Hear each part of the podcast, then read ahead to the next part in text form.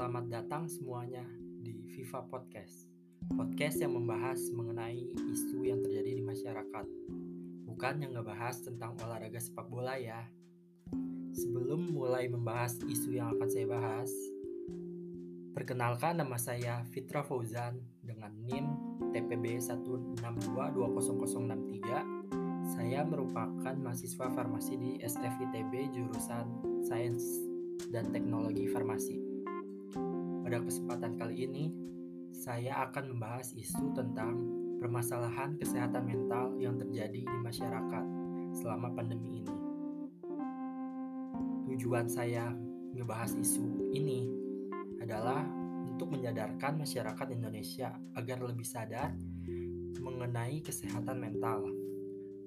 Karena udah pada penasaran, yuk kita mulai aja. Let's go. Sebelum membahas mengenai isu kesehatan mental selama pandemi ini, kita harus tahu dulu apa itu kesehatan mental. Ada yang tahu gak pengertian kesehatan mental itu apa? Oke, aku jelasin ya. Menurut Organisasi Kesehatan Dunia, WHO, kesehatan mental adalah keadaan sejahtera di mana setiap individu bisa mewujudkan potensi mereka sendiri Artinya, mereka dapat mengatasi tekanan kehidupan yang normal, dapat berfungsi secara produktif dan bermanfaat, dan mampu memberikan kontribusi kepada komunitas mereka.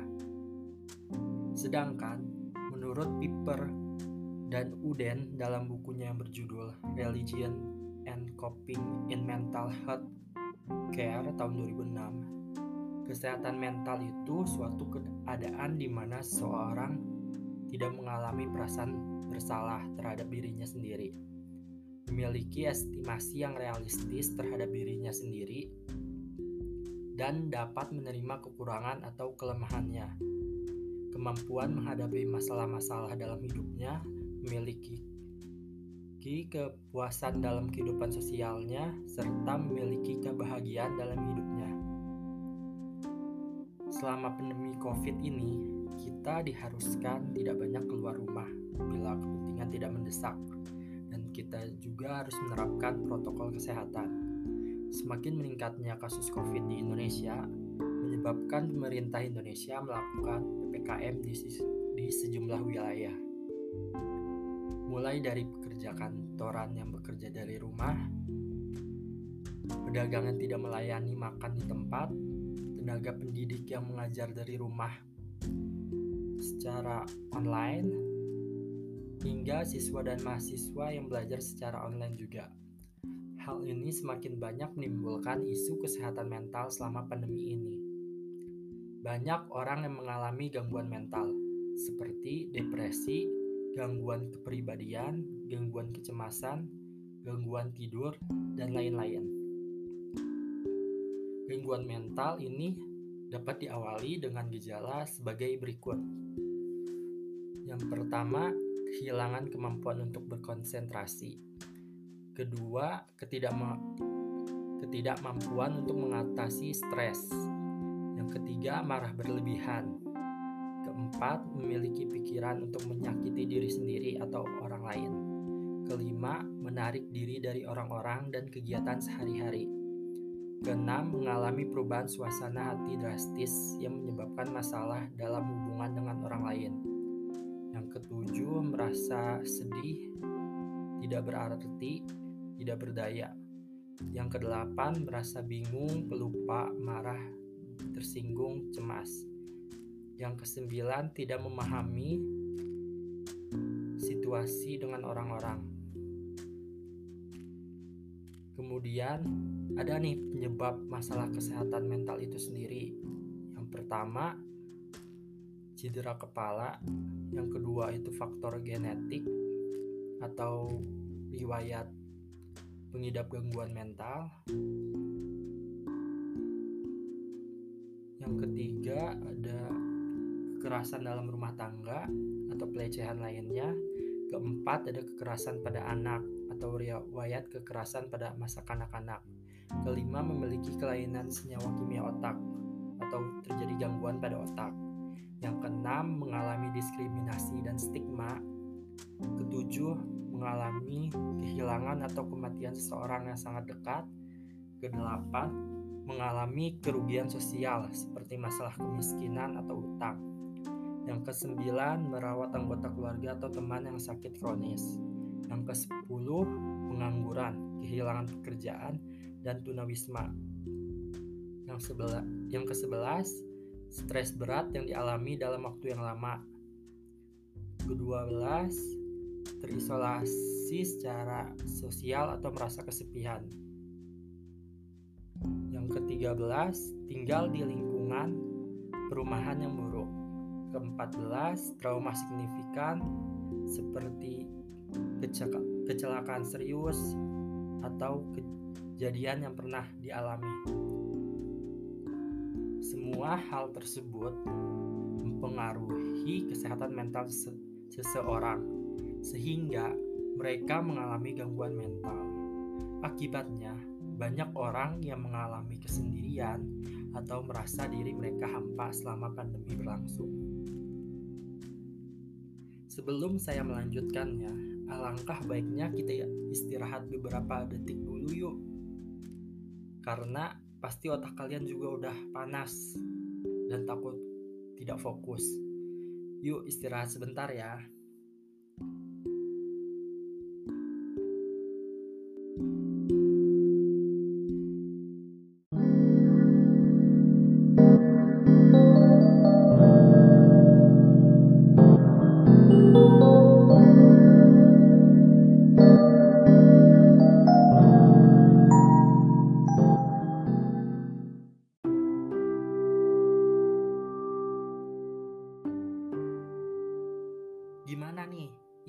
Istirahatnya?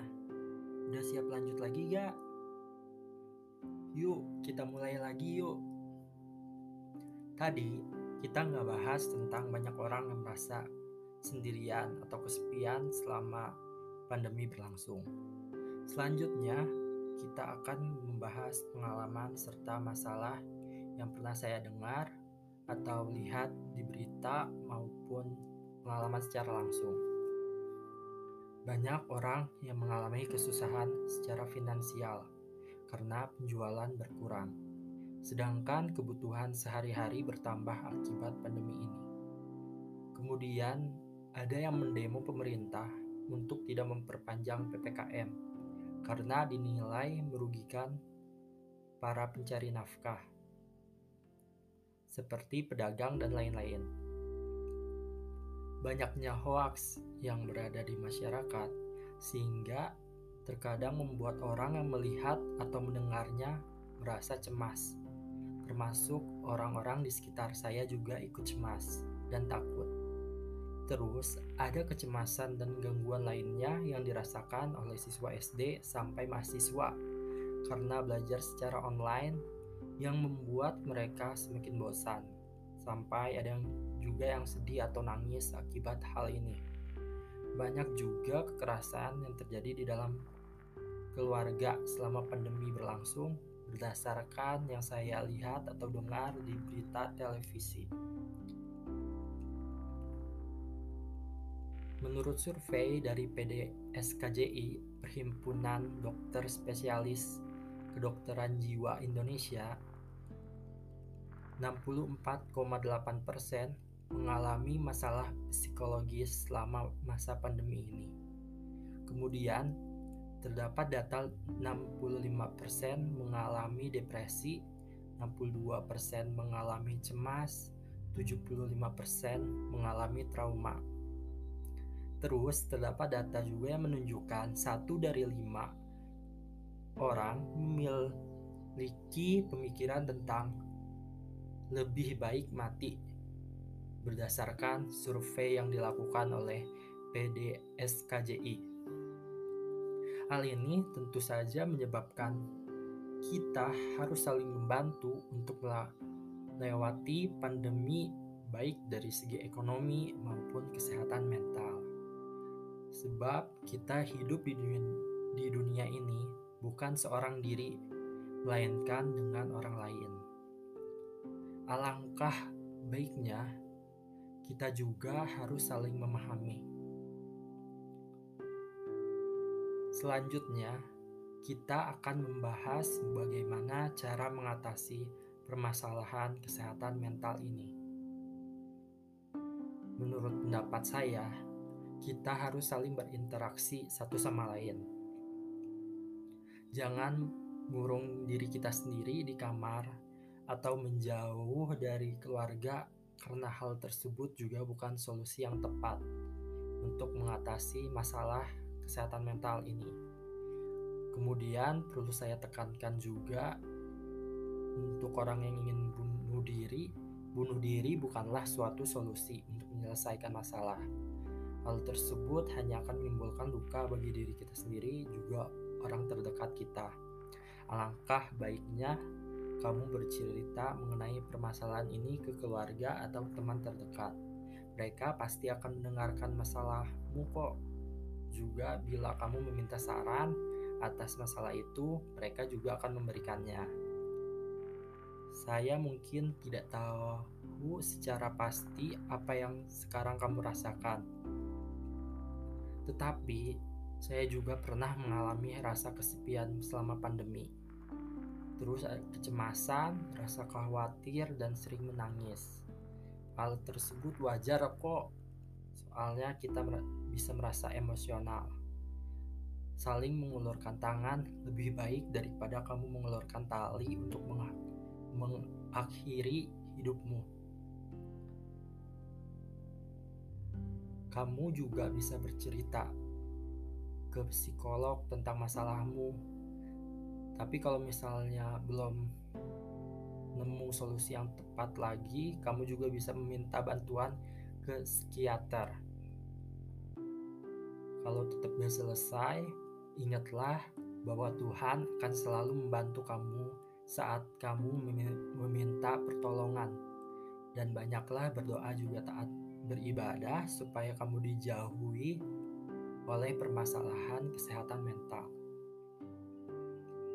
Berbicara dengan orang lain melalui media sosial atau aplikasi komunikasi virtual juga bisa membantumu untuk menghilangkan perasaan itu. Apabila kamu lagi dalam kebutuhan mendesak, seperti keuangan atau lainnya, cobalah kamu bertanya terlebih dahulu kepada orang di sekitar kamu. Apa salahnya kamu mencoba dulu? Ada yang bilang bahwa lebih baik mencoba dan gagal daripada tidak pernah mencoba sama sekali. Atau lebih baik bergerak walaupun hanya selangkah demi selangkah daripada tidak bergerak sama sekali. Saran saya, lakukanlah kegiatan yang positif dan berilah semangat kepada orang yang mengalami hal yang sama denganmu. Seperti menceritakan kisahmu dalam melewati dan mengatasi hal tersebut, dan memberikan tagar hashtag we are strong di media sosial atau di cerita kamu. Nah, selain itu, buatlah wadah atau tempat untuk saling bercerita mengenai apa pun, terutama mengenai permasalahan kesehatan mental yang terjadi. Kamu bisa membuatnya lewat media sosial atau membuat komunitas di daerah sekitar rumah kamu. Kemudian, untuk mengatasi hal lain seperti perpanjangan PPKM, pembelajaran secara online, dan kekerasan dalam rumah tangga selama pandemi ini, menurut pendapat saya, perpanjangan PPKM juga harus diiringi dengan bantuan dana kehidupan sehari-hari bagi warga yang tidak bisa mencari nafkah dan terkena dampak parah. Pembelajaran online menurut saya juga harus diperbaiki dalam segi diskusi maupun hal yang lain, supaya tidak ada kecemasan dalam diri siswanya. Melakukan pembinaan kepada masyarakat untuk tidak melakukan kekerasan dalam rumah tangga juga berperan penting dalam mencegah kasus kekerasan yang dalam rumah tangga yang semakin meningkat selama pandemi ini. Intinya, Menurut saya, semua hal tersebut bisa dicapai bila kita saling mengulurkan tangan kita. Terus, buatlah tagar hashtag we are strong karena memang pandemi covid ini membuat semua sektor terganggu.